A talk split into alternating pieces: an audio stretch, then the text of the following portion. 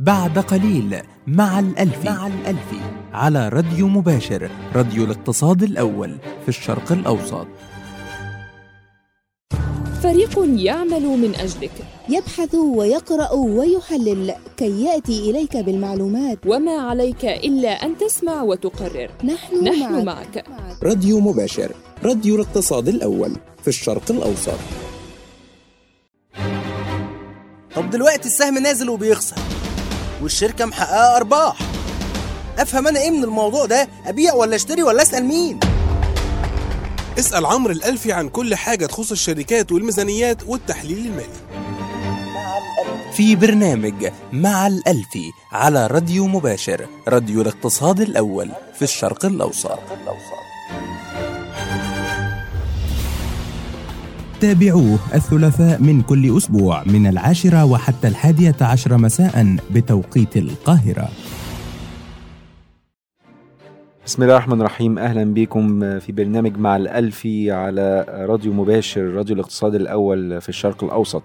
معانا على الميكسر محمد صالح واهلا بكم معكم عمرو الألفي. آه، بداية البرنامج آه، يمكن آه، اسمه يعتبر عام شوية ولكن إحنا تخ- تخصصنا في هذا البرنامج هيكون على التحليل المالي أو التحليل الأساسي ما يسمى بالتحليل الأساسي أيضا. آه، الهدف الأساسي من البرنامج هو توصيل التحليل المالي للمستثمر آه، الفرد أو المستثمر العادي آه، إذا كان بيستثمر في البورصة أو في حياته الشخصية.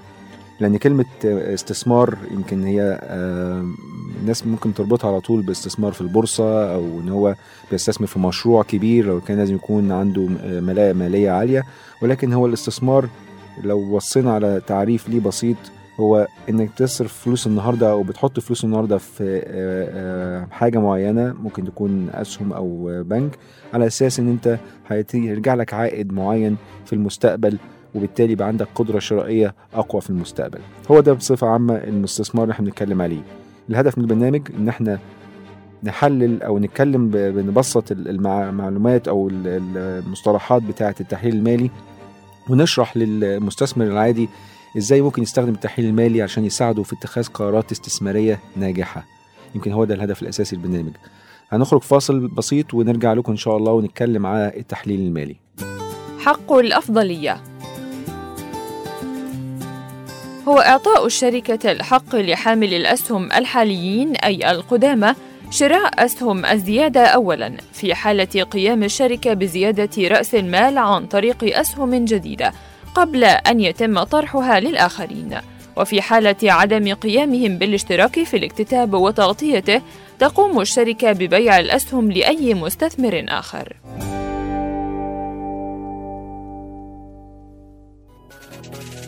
الاقتصاد حول العالم في سطور. نراها نرصدها ونقرأها لك. من كل مكان نجمع لك كل التفاصيل في تقارير اقتصادية.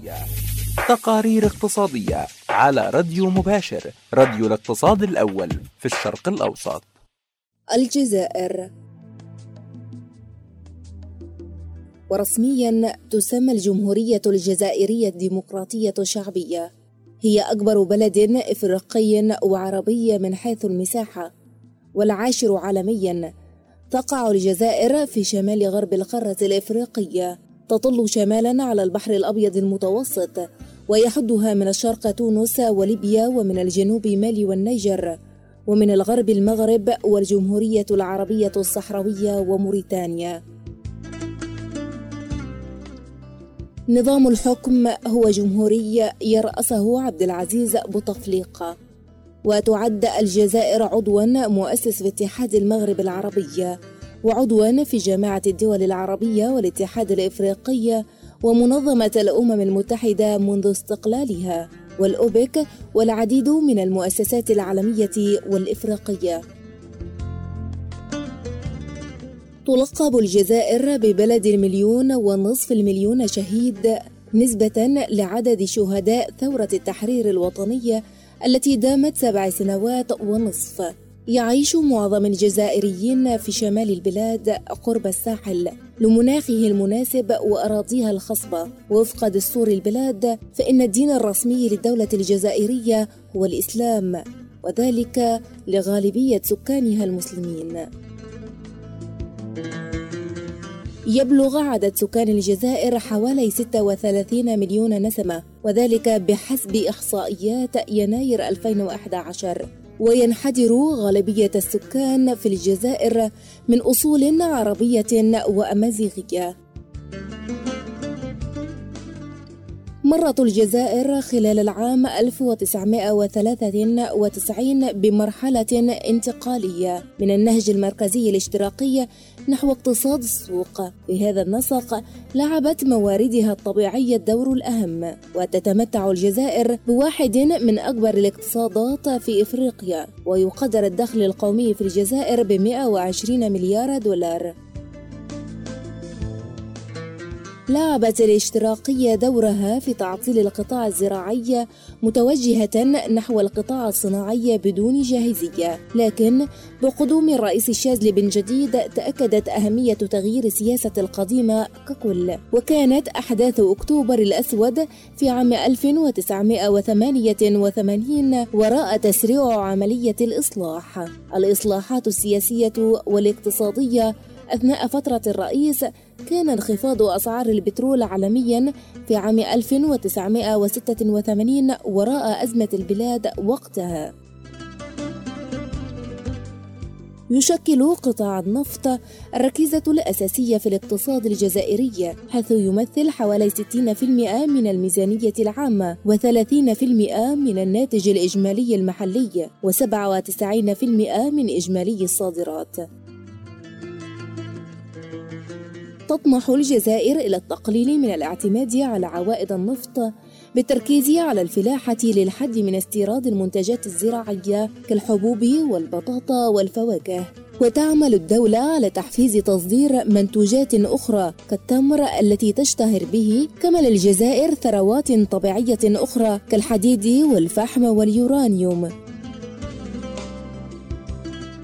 كان الهدف الأساسي من الإصلاحات وتحول الاقتصاد السوق طلبا للاستثمارات الأجنبية وخلق مناخ تنافسي داخل البلاد. تخلت الدولة عن المركزية في المؤسسات العمومية بنسبة الثلثين وألغت احتكارها للاستيراد. وعملت على تشجيع الخصخصة في القطاع الزراعي. كما ارتفعت المؤشرات الاقتصادية في الجزائر في النصف الثاني من التسعينيات ويرجع ذلك إلى دعم البنك الدولي لسياسة الإصلاحات وعملية إعادة جدولة الديون التي أقرها نادي باريس.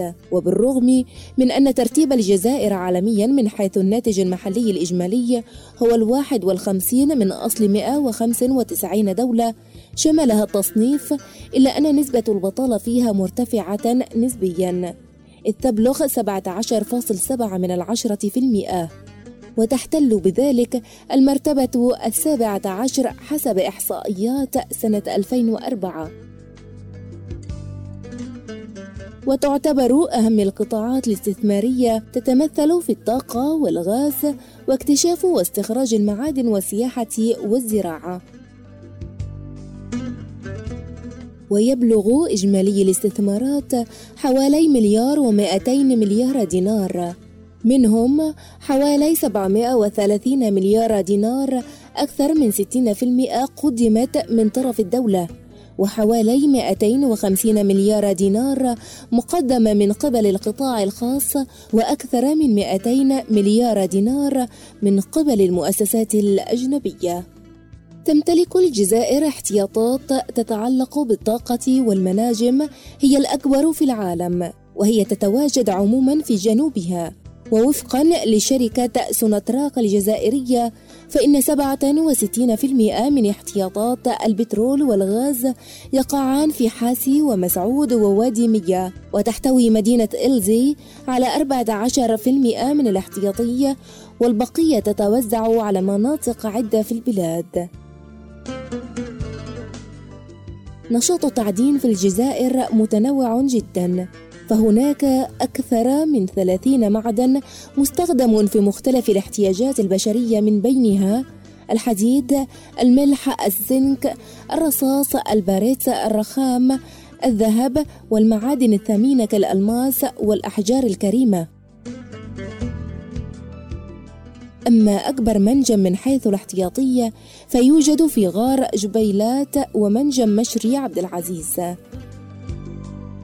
كما تشمل البلاد احتياطات كبيرة من الجبس والحجر الجيري والرمال والطين والإسمنت في الشمال.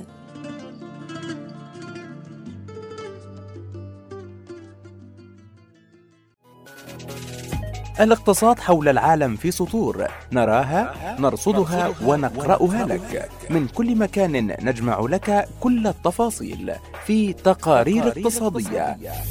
تقارير اقتصادية على راديو مباشر راديو الاقتصاد الأول في الشرق الأوسط. تستمعون الآن إلى مع الألفي على راديو مباشر راديو الاقتصاد الأول في الشرق الأوسط.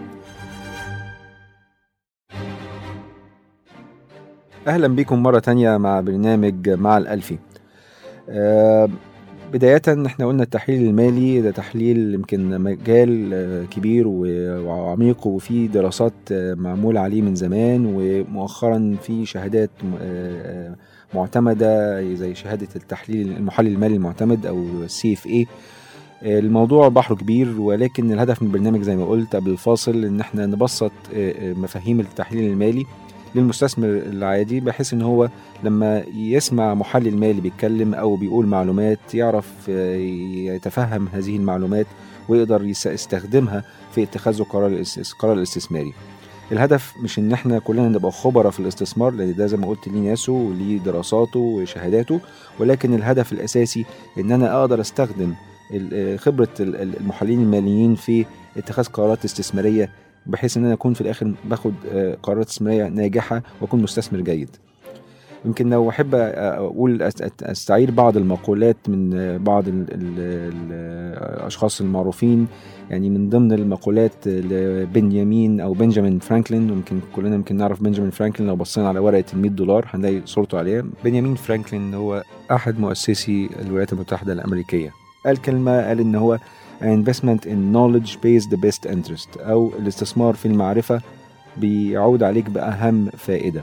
إيه، معناها إن إحنا بنركز أكتر على المعلومات آه، علشان ناخد قرارات استثمارية كويسة. فلازم يكون عندي المعلومة علشان أو المعرفه علشان آخد قرار آه، آه، جيد.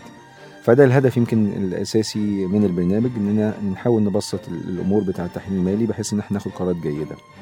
زي ما قلت في الأول اللي هو الاستثمار بنعرف آه، ال- الاستثمار إن أنت بت بت- بتاخد قرار بتحط فلوس النهارده على أساس إن أنت آه، بدل ما يكون عندك آه، آه، بتصرف على حاجة النهارده لا أنت بتأجلها للمستقبل بحيث إن الفلوس اللي هتستثمرها النهارده هترجع لك فلوس أكتر وتقدر تشتري حاجة أكتر في المستقبل.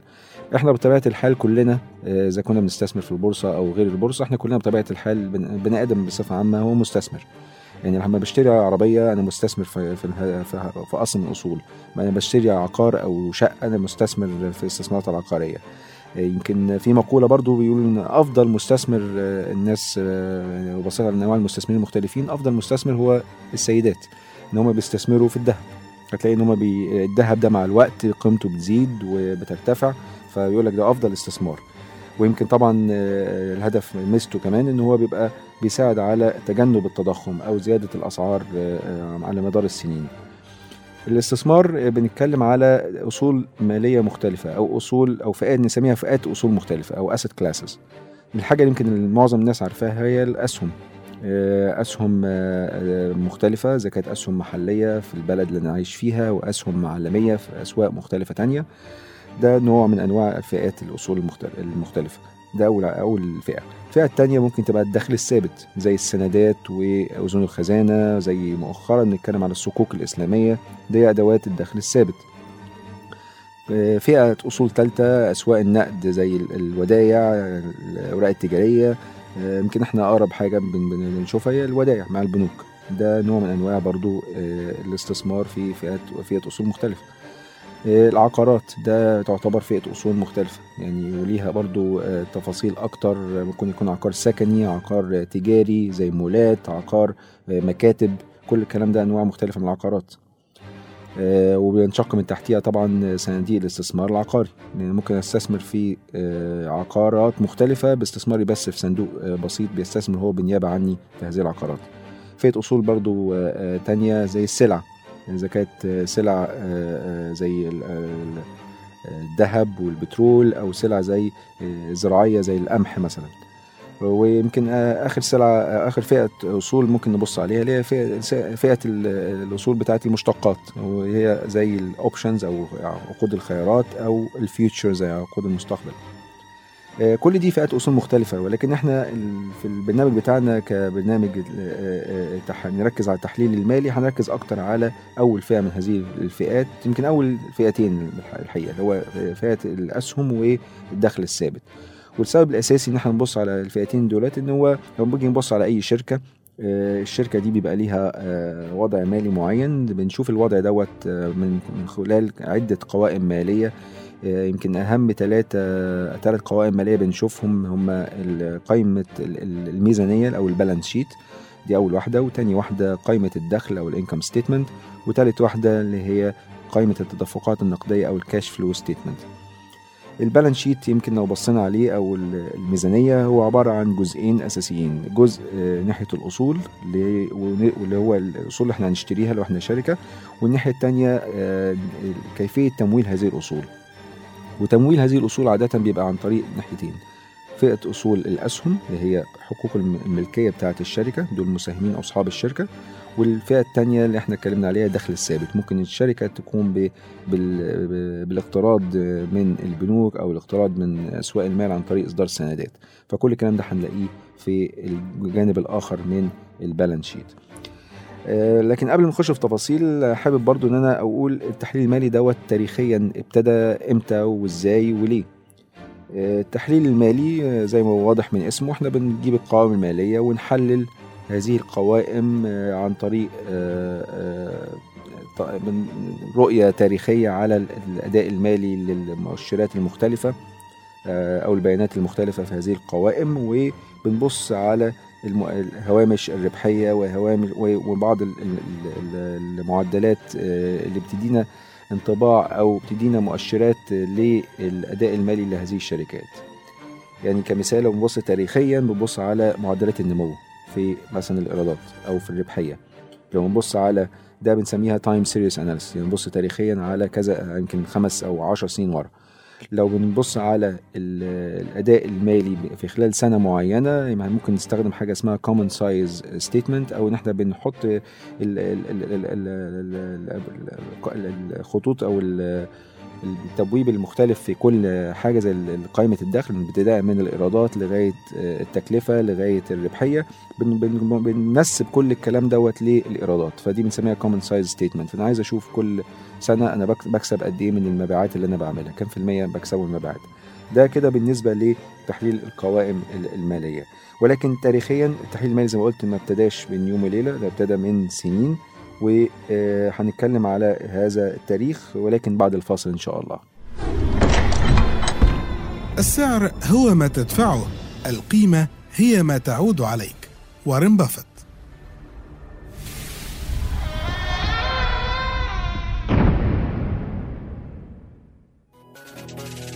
الاقتصاد حول العالم في سطور. نراها نرصدها ونقرأها لك. من كل مكان نجمع لك كل التفاصيل في تقارير اقتصادية.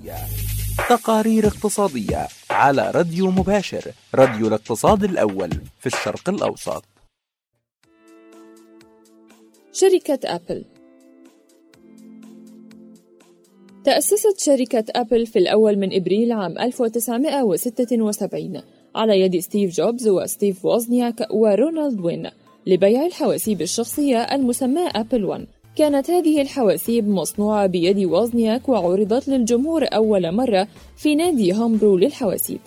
وكانت هذه الأجهزة بالطبع أقل مما نعتبره حاسبا شخصيا في يومنا الحاضر. بدأ بيع حواسيب أبل 1 في يوليو 1976 وكان سعر السوق للواحد من هذه الأجهزة 666 و66 من المائة دولارا أمريكيا أي حوالي 2.5 ألف دولار بالقيم الحديثة. تم إدراج الشركة لتصبح شركة أبل المحدودة في الثالث من يناير 1977 وتم ذلك بدون رونالد وين الذي باع حصته في الشركة لستيف جوبز وستيف ووزنياك مقابل 800 دولار أمريكي وقدم المليونير مايك ماركولا الخبرة التجارية المطلوبة والتمويل اللازم المقدر ب 250 ألف دولار أمريكي خلال عملية إدراج الشركة. تم عرض حاسوب أبل 2 في السادس عشر من إبريل عام 1977 في مهرجان West Coast للحواسيب. وكان جهاز أبل 2 مختلفا عن الجهازين المنافسين TRS-80 وكومودور PET في نفس العام طرحت أبل حاسوب Power Macintosh وهو أول حاسوب من حواسيب أبل الكثيرة التي عملت باستخدام معالج IBM المسمى PowerPC. في عام 1996 تم استبدال مايكل سبيندلر بجيل أميليو رئيسا تنفيذيا. وبعد محاولات عديدة فشلت في تحسين نظام التشغيل ماكنتوش اختار أميليو شراء شركة NeXT المحدودة ونظام تشغيلها NeXTSTEP. وبذلك عاد ستيف جوبز إلى أبل مرة أخرى كمستشار. في التاسع من يوليو 1997 أطاح مجلس الإدارة بجيل أميليو وأصبح جوبز الرئيس التنفيذي المؤقت للشركة وبدأ إعادة هيكلة خط إنتاج الشركة. في عام 1997 في معرض Macworld أعلن ستيف جوبز أن أبل سوف تنضم مع مايكروسوفت لإطلاق إصدارات جديدة من مايكروسوفت Office لأجهزة الماكنتوش. وقامت مايكروسوفت باستثمار 150 مليون دولار في أسهم أبل غير المؤهلة للتصويت.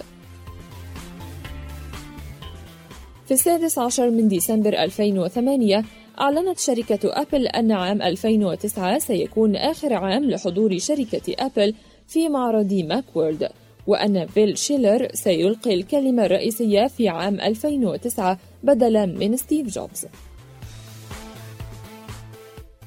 في الرابع عشر من يناير 2009 أصدر جوبز مذكرة داخلية في شركة أبل وفيها أعلن أنه سيأخذ إجازة لمدة ستة أشهر وحتى نهاية يونيو 2009 وعلى الرغم من غياب ستيف جوبز فقد سجلت أبل أفضل ربع سنوي غير العطلات Q1 السنة المالية 2009 خلال فترة الركود حيث حققت أبل إيرادات قدرها 8.16 من المئة مليار دولار وأرباحا قدرها 1.21 من المئة مليار دولار.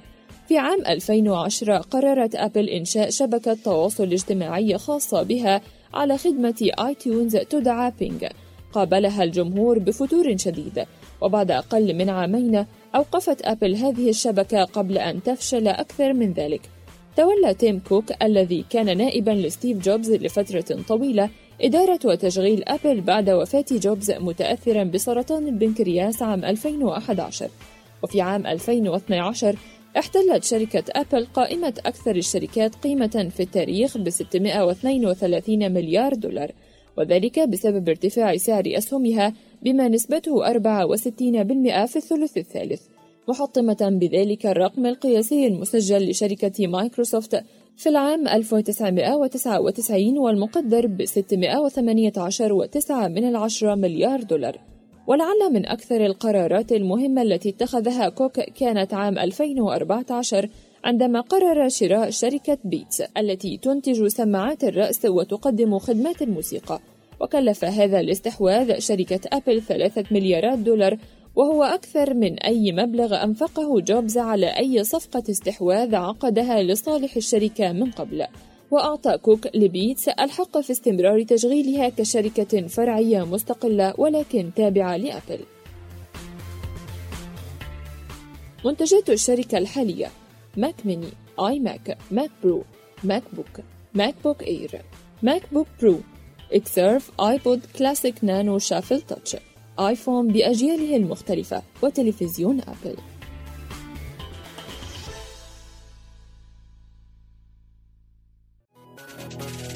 الاقتصاد حول العالم في سطور. نراها نرصدها ونقرأها لك. من كل مكان نجمع لك كل التفاصيل في تقارير اقتصادية. تقارير اقتصادية. على راديو مباشر راديو الاقتصاد الأول في الشرق الأوسط.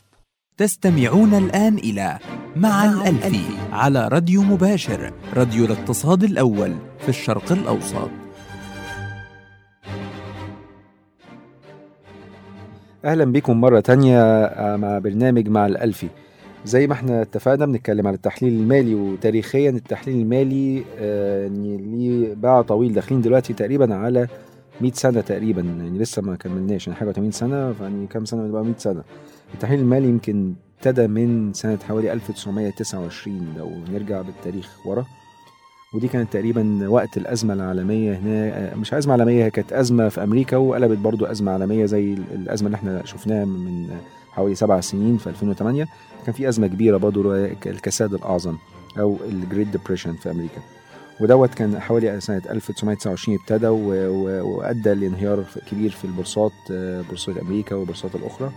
و- وده يمكن اللي ولد أهمية للتحليل المالي لأن هو مع انهيارات آه، الأسعار آه، الأسهم العالمية المستثمرين ابتدوا يسألوا نفسهم هل إحنا خدنا قرارات غلط؟ هل الاستثمار كان توقيته غلط؟ طب إحنا استثمرنا في إيه؟ كان هل في أي مؤشرات تدينا تساعدنا ان إحنا نا- ناخد قرار بالخروج من السوق قبل الانهيارات ديت.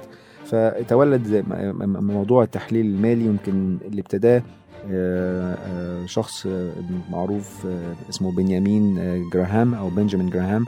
هو كان بروفيسور في كولومبيا Business School في أمريكا. ومعاه واحد اسمه ديفيد دود الاثنين دول عملوا كتاب مهم جدا يمكن بنسميه ده الكتاب الأهم في التحليل المالي وهو اسمه Security Analysis أو تحليل الأوراق المالية. آه، بنتكلم على بنيامين آه، آه، جراهام يمكن هو تتلمذ على إيديه أحد أهم المستثمرين على المدى الطويل المعروفين حاليا هو وارن بافيت وهو أغنى أغنياء العالم طبعا. عمل ثروته وكون ثروته عن طريق الاستثمار آه، في الأسهم وعلى المدى الطويل. يعني هو ما كانش يعني هو ما يعتبرش هو ما شاء الله ما زال لسه عايش وبيستثمر على المدى الطويل. ولكن آه، استثماراته يعني بيختار استثمارات بطريقة معينة باستخدام التحليل المالي. آه، لو خدت برضو مقولة منه آه، بيقول إن أنا علشان تعرف تعمل إيه في السوق أنت أهم حاجة تشوف الناس بتعمل إيه وهتعمل عكسها. بمعنى تبقى كونتراريان شوية. يعني قالك تبقى لما الناس تبقى خايفة أنت ممكن تبقى تطمع شوية. لما آه، الناس تبقى طمعانة أنت المفروض تخاف. فأنت بتاخد ال- العكس اللي شايفه في اتجاه السوق على أساس إن أنت آه، الهدف إن هو آه، لما يكون في طمع زيادة في السوق معنى كده إن الأسعار مبالغ فيها فممكن احتمال إن الأسهم أو أسعار الأسهم تنزل كبير. والعكس لما الناس تبقى الخوف أكبر من الطمع ده معناه إن ممكن يكون أسعار الأسهم رخيصة جدا وبالتالي أنت المفروض تطمع شوية وتشتري في هذه الأسهم اللي رخ... أسعارها رخصت. آه، وارن بافيت عنده مقولات كتيرة جدا وممكن نستعرضها خلال الحلقات الجاية إن شاء الله في البرنامج آه، على حسب ال- ال- الموضوع اللي بنتكلم فيه. ولكن حبيت أقول إن هو آه، الاستثمار طويل الأجل يمكن دي حاجة شركات السمسرة ممكن ما تحبهاش لأن شركات السمسرة شغالة على عمولات ولازم يبيع ويشتري علشان يعمل عمولة ويكسب. ولكن آه، وده ممكن حاجة بت بت بتفيد حد زي ال traders إن هم ال speculators اللي هم المضاربين. لأنه بي- بيشتغل على فرق الاسعار بسيطة جدا خلال اليوم يعني خلال نفس جلسة التداول في البورصة بيحاول يكسب آه، آه، في خلال اليوم. ولكن التحليل المالي بيركز أكتر على استثمار استثمار طويل الأجل. وطويل الأجل مش لازم يكون خمس أو ست أو عشر سنين ولكن ممكن طويل الأجل ده يكون من ست شهور لغاية سنة. عادة بنتكلم على سنة يعني في المتوسط. لأن هو أنت بتيجي تقارن أي أداء مالي آه، عائد جاي لك من وعي استثماري معين مقارنة بعائد مالي تاني أو من وعي استثماري آخر زي ما قلنا الفئات السوق المختلفة بتقارن العائد بالعائد بتقارن عائد آه، سنوي بعائد سنوي آخر. ولكن طبعا العائد آه، اللي بنتكلم عليه طبعا كل عائد لكل فئة اصول مختلفة ليها مخاطر.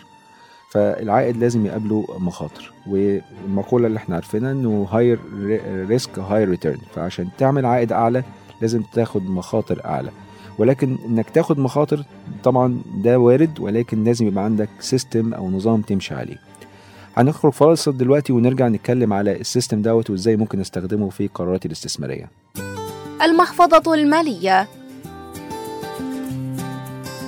هي مجموع ما يمتلكه أي مستثمر من الأصول ويجب التنويع في أدوات المالية للمحفظة وذلك لتجنب المخاطر واتباع للمثل المعروف الذي يقول لا تضع البيض في سلة واحدة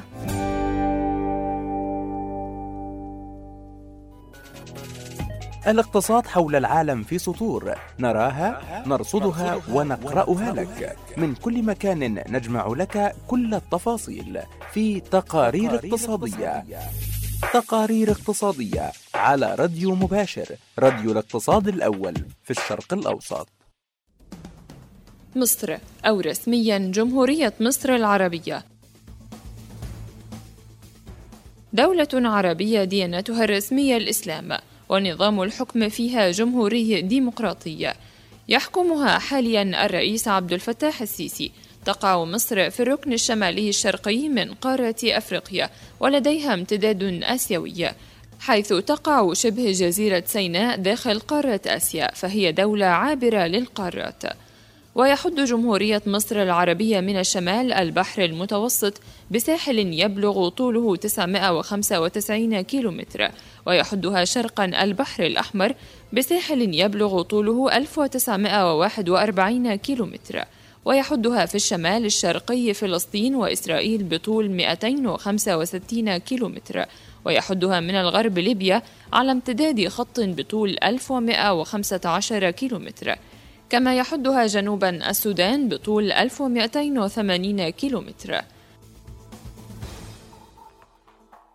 تبلغ مساحة جمهورية مصر العربية حوالي مليون وألف وأربعمائة وخمسين كيلومتر مربع ويبلغ عدد السكان 86 مليون و895 ألف نسمة تسكن في مساحة تبلغ 78 ألف كيلومتر مربع.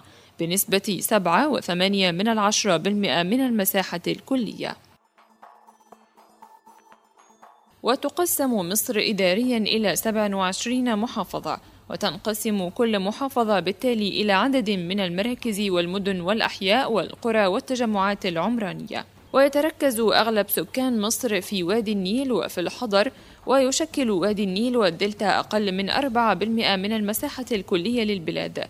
أي حوالي 33 ألف كيلومتر مربع.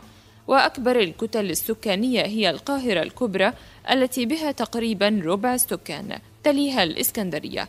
كما يعيش أغلب السكان الباقين في الدلتا وعلى ساحلي البحر المتوسط والبحر الأحمر ومدن قناة السويس. وتشغل هذه الأماكن ما مساحته 40 ألف كيلومتر مربع بينما تشكل الصحراء غير المعمورة غالبية مساحة البلاد.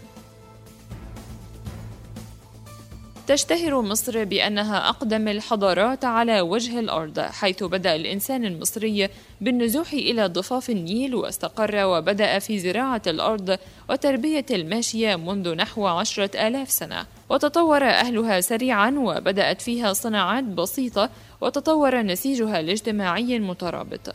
وكونوا إمارات متجاورة مسالمة على ضفاف النيل تتبادل التجارة. سابقة في ذلك كل بلاد العالم. تشهد على ذلك حضارة البداري منذ نحو سبعة آلاف سنة وكان التطور الطبيعي لها أن تندمج مع بعضها البعض شمالا وجنوبا وتوحيد الوجهين القبلي والبحري. وبدأ الحكم المركزي الممثل في بدء عصر الأسرات نحو ثلاثة آلاف قبل الميلاد. وتبادلت التجارة مع جيرانها ونشأت فيها الكتابة بالطريقة الهيروغليفية. يمثلها في ذلك سكان دجلة والفرات الذين بدأوا الكتابة أيضا نحو أربعة آلاف سنة قبل الميلاد بطريقة الخط المسماري. وكان طبيعيا أن يتبادل التجارة والتعامل الحضاري الذي يرجع له الفضل في تطور الإنسانية جمعاء. وكان لابتكار الكتابة في مصر أثر كبير على مسيرة الحياة في البلاد وتطورها السريع.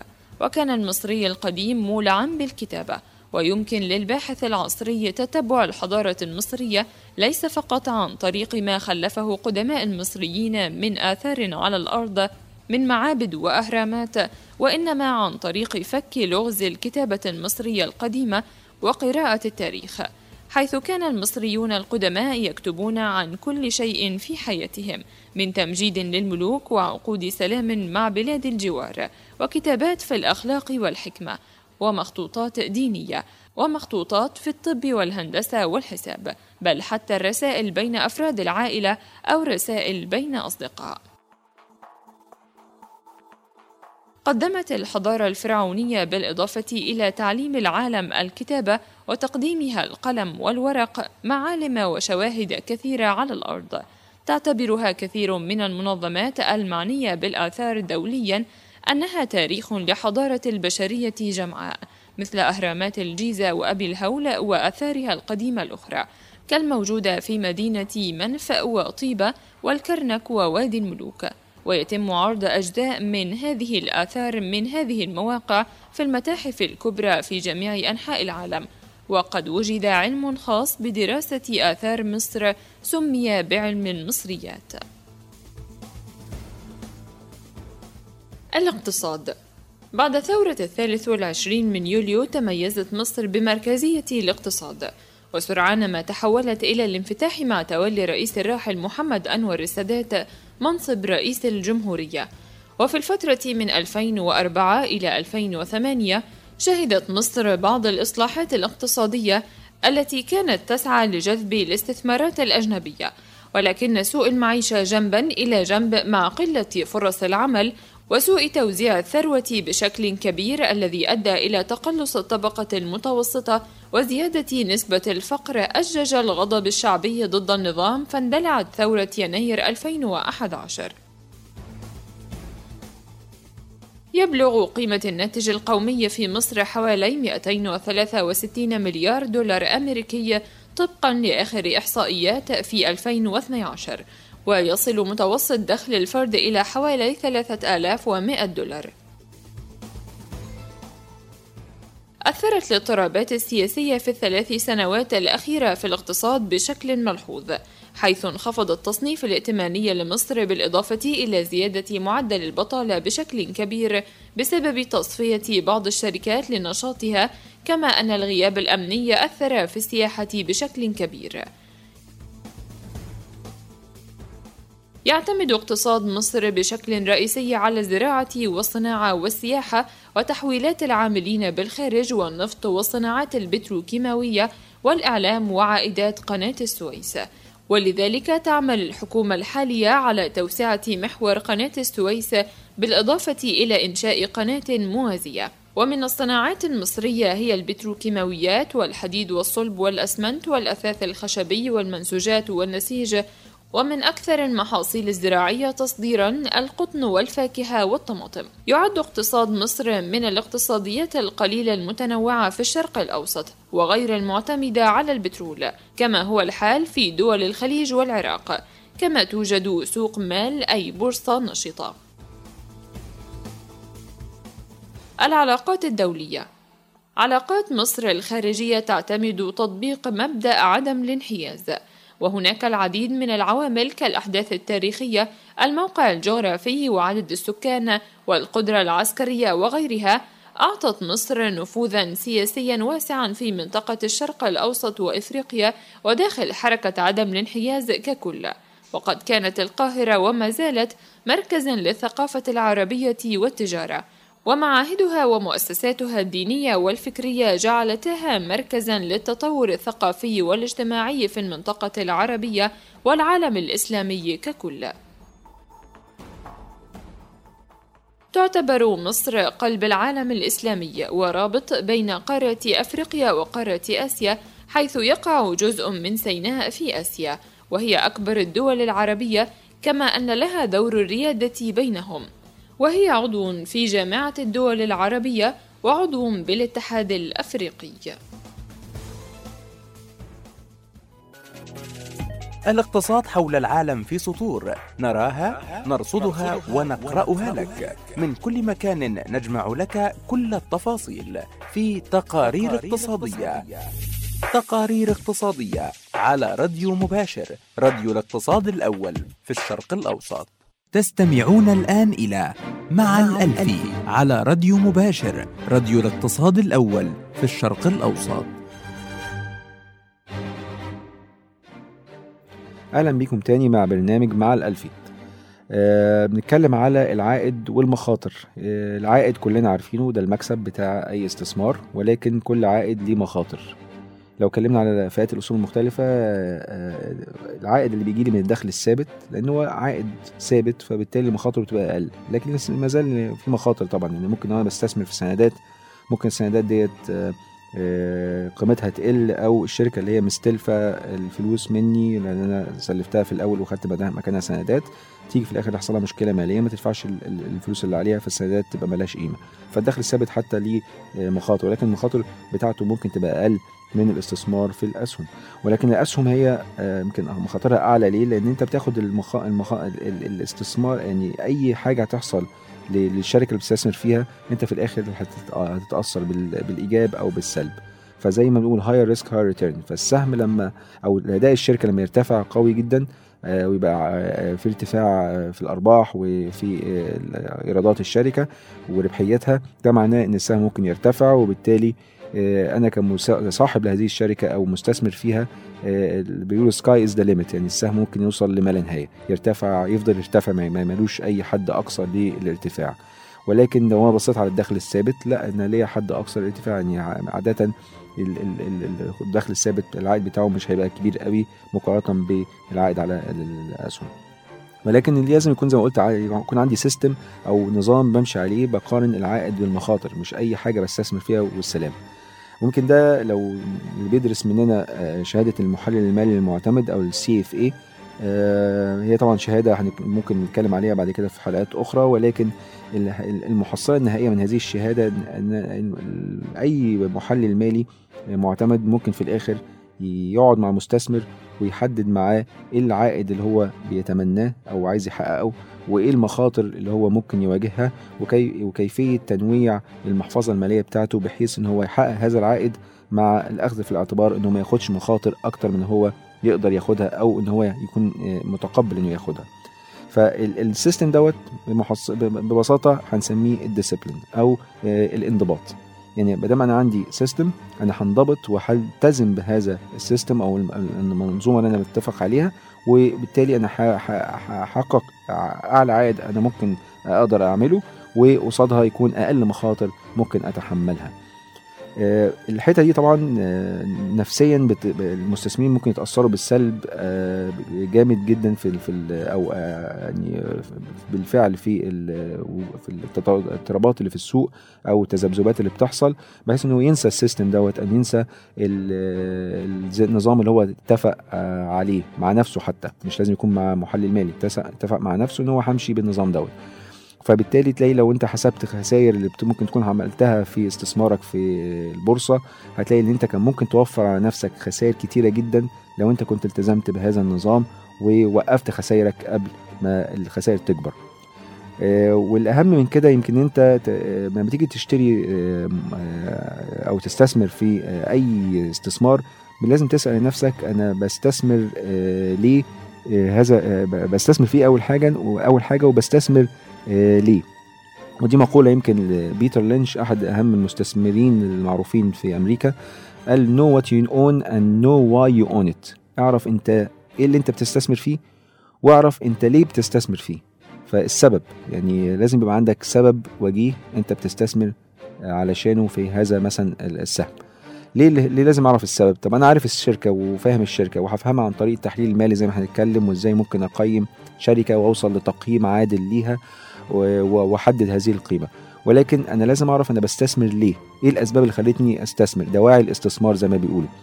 لأن هو دواعي الاستثمار دي لو اختفت بعد كده أو ما بقتش موجودة ولم تتحقق يبقى أنا لازم ده اوتوماتيكلي لازم أنا أخرج من السهم دوت. فهذا مهم جدا إن أنا أستثمر في إيه وأعرف أنا بستثمر ليه. هنطلع فاصل ونرجع تاني نتكلم على التحليل المالي. رأس المال المكتتب به. وهو ذلك الجزء من رأس المال المرخص به وتم الاكتتاب به.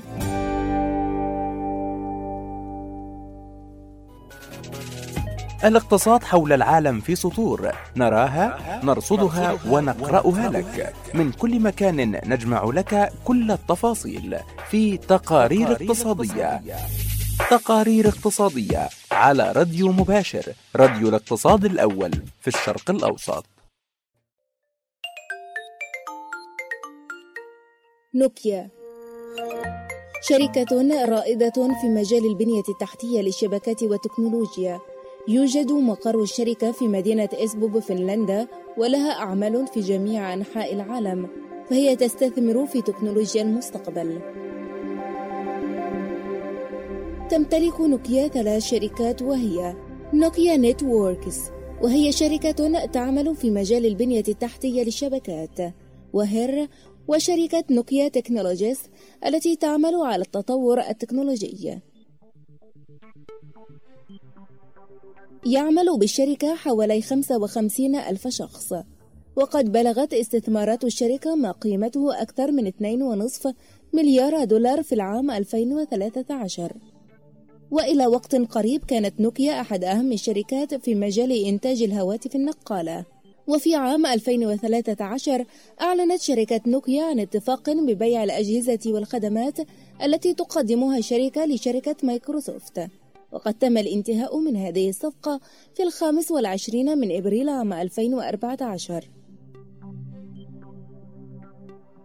ولشركة نوكيا تاريخ طويل مليء بالنجاحات والابتكارات والتكيف مع حاجة الأسواق حيث بدأت الشركة بالعمل بمطحنة ورق واحدة وسرعان ما تحولت إلى العمل في إنتاج الكابلات والمنتجات الورقية بالإضافة إلى الإطارات والأحذية المطاطية والإلكترونيات الاستهلاكية والصناعية والبلاستيك والبنية التحتية للاتصالات وأكثر.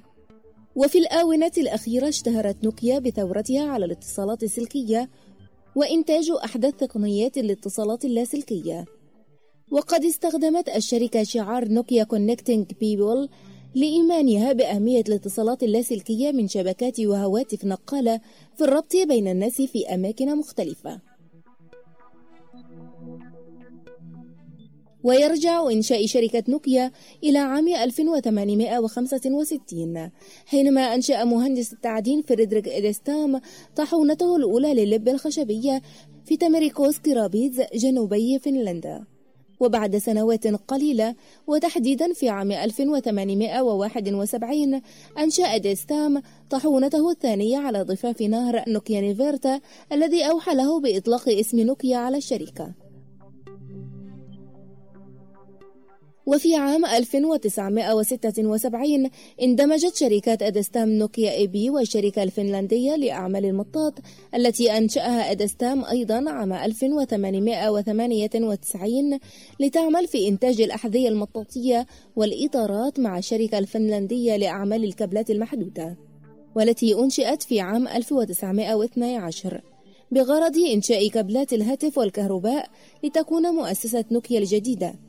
وتعمل في إنتاج المطاط والكابلات والغابات والإلكترونيات وتوليد الطاقة.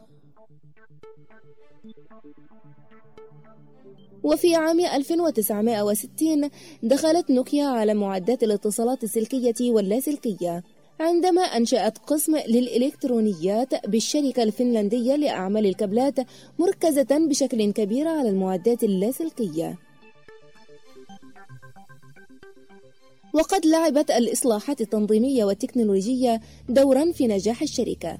ففي أواخر الثمانينيات مع بدء تحرير صناعات الاتصالات في أوروبا ازدادت حدة المنافسة فزاد الطلب من العملاء.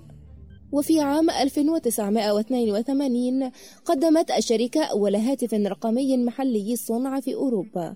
ثم أنتجت هاتف السيارة الأول باستخدام شبكة GSM. وفي عام 1987 صدر قرار أوروبي باعتماد GSM كمعيار رقمي أوروبي بدءا من الأول من يوليو عام 1991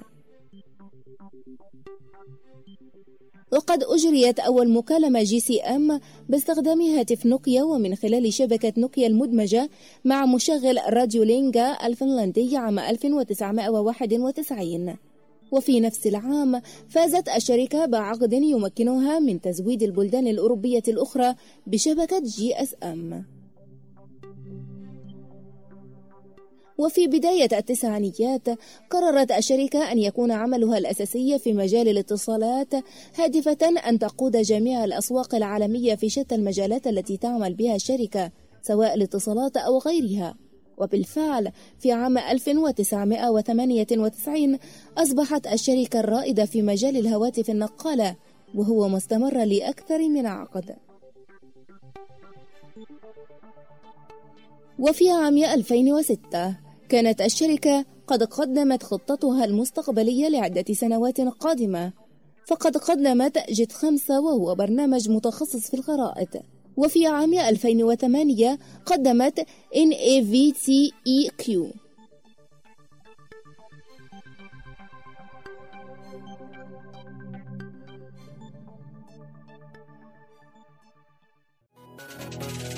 الاقتصاد حول العالم في سطور. نراها نرصدها ونقرأها لك. من كل مكان نجمع لك كل التفاصيل في تقارير اقتصادية.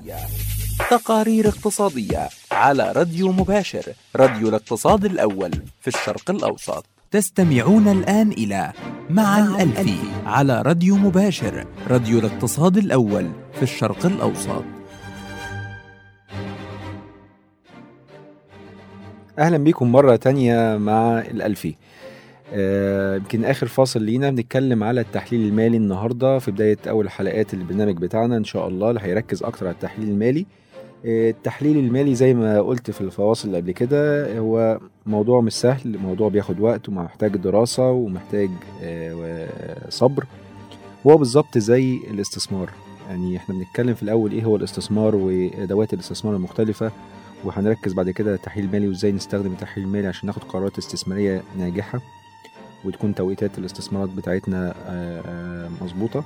ولكن هو الاستثمار التعريف بتاعه إن هو برضو بياخد وقت. يعني ما ينفعش أحط فلوس النهارده وكمان تاني يوم ألاقي فلوس بتكبر فجأة عشر مرات.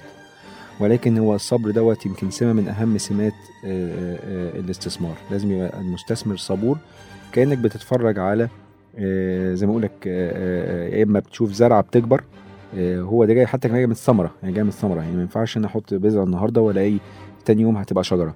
فلازم في وقت وفي صبر. وزي ما قلت في الفصل قبل كده انضباط ويكون عندي system ماشي عليه. يمكن من أهم برضو المقولات اللي, اللي بتتقال في الاستثمار إن آه، زي ما قلت في حتة سيكولوجيه بتدخل في آه، بتبوظ ال system اللي إحنا بنتكلم عليه دوت. آه، ويمكن بعض المست... المقولات المهمة أو أحد المقولات المهمة اللي بنبص عليها برضو إنه في واحد اسمه سير جون تمبلتون ده راجل اللي يمكن أسس أهم صناديق الاستثمار الموجودة حاليا في العالم لفرانكلين تمبلتون والراجل دوت يمكن أول واحد أمريكي يبتدي يستثمر في بره السوق الأمريكي ويستثمر في اليابان. قال كلمة مهمة جدا. لك أصعب آه، كلمات آه، أو أخطر كلمات في الاستثمار إنك تقول آه، this time is different. أو المرة دي مختلفة تماما. يعني كل ما يحصل مشكلة أو تلاقي إن في حاجة بتحصل زي ما حصلت تاريخيا المرة دي تقول لا المرة دي مختلفة. المرة دي حاجة مش مش هتبقى زي قبل كده. ف وده اللي بيتكرر مع الوقت لأن إحنا قلنا هي السيكولوجيه بت... موجودة. يعني البني آدمين هم هم. المستثمر اللي كان سنة 1929 عمل الكساد الأعظم. هو كان بني آدم عادي وعنده برضه التزامات واحتياجات وعنده رغبات. وكل الكلام دوت بيبقى بيأثر على قراراته الاستثمارية. ونفس القصة موجودة زي ما حصلت الأزمة برضه في 2008 بعديها بسنين كتيرة ما زال برضه بيحصل أزمات وما زال وبرضه الفترة الجاية هيحصل الأزمات لأن هي السيكولوجية موجودة وبالتالي في طمع زيادة عن الخوف وساعات الخوف بيبقى زيادة عن الطمع وهكذا. أنا الفكرة بتاعتي كمستثمر إن أنا أستخدم التحليل المالي إنه يساعدني إن إزاي وأنا داخل في خضم هذا المحيط أو البحر الكبير والأمواج الكبيرة دي كلها إزاي أنا أستخدم التحليل المالي بحيث إن هو يوصلني على بر الأمان؟ ونحس إن أنا إزاي أتماشى مع هذه الموجة أو أتجنب هذه الموجة أصلا بحيث إن أنا أطلع بأقل الخسائر الممكنة. ما مش بقول إن الاستثمار هيبقى كله ناجح ولكن هيبقى فيه خسائر ولكن خسائر لازم تبقى مدروسة ومبنية على أسس علمية ويكون ليها حد أقصى وإلا الخسائر بتاعتي ممكن تتفاقم وأخسر رأس مالي بالكامل. وده اللي أنا عايز أعمله بالتحليل المالي. زي ما قلت إن أنا أشوف أنا بستثمر في إيه وليه بستثمر في هذا الاستثمار. وبالتالي النتيجة إن الحتمية إن شاء الله. لو بنتكلم على مدى طويل شوية لأن إحنا بنستثمر للمستقبل هيبقى نتيجة إيجابية. وبكده خلصت حلقتنا النهاردة. الوقت عدى بسرعة. دي أول حلقة من برنامج مع الألفي اللي هيركز أكتر على التحليل المالي. وأدواته المختلفة وإزاي أنا كمستثمر أستفيد منه بحيث إن أنا آخد قرارات آه، ناجحة. الحلقات اللي جاية إن شاء الله هنتكلم على آه، الأدوات المالية الم... التحليل المالي المختلفة وإن شاء الله نوصل في النهاية إن إحنا نقدر نحدد قيمة عادلة لأي سهم ببص عليه. بداية من قراءة الميزانيات والقوائم المالية انتهاء بتحديد القيمة العادلة وقرار الشراء أو البيع. كان معكم عمرو الألفي وكان معنا محمد صالح على المكسر شكرا لكم جم- جميعا وكل سنة وأنتم طيبين. السلام عليكم. طب دلوقتي السهم نازل وبيخسر والشركة محققة أرباح. أفهم أنا إيه من الموضوع ده؟ أبيع ولا أشتري ولا أسأل مين؟ اسأل عمرو الألفي عن كل حاجة تخص الشركات والميزانيات والتحليل المالي. في برنامج مع الألفي على راديو مباشر راديو الاقتصاد الأول في الشرق الأوسط. تابعوه الثلاثاء من كل أسبوع من العاشرة وحتى الحادية عشر مساء بتوقيت القاهرة.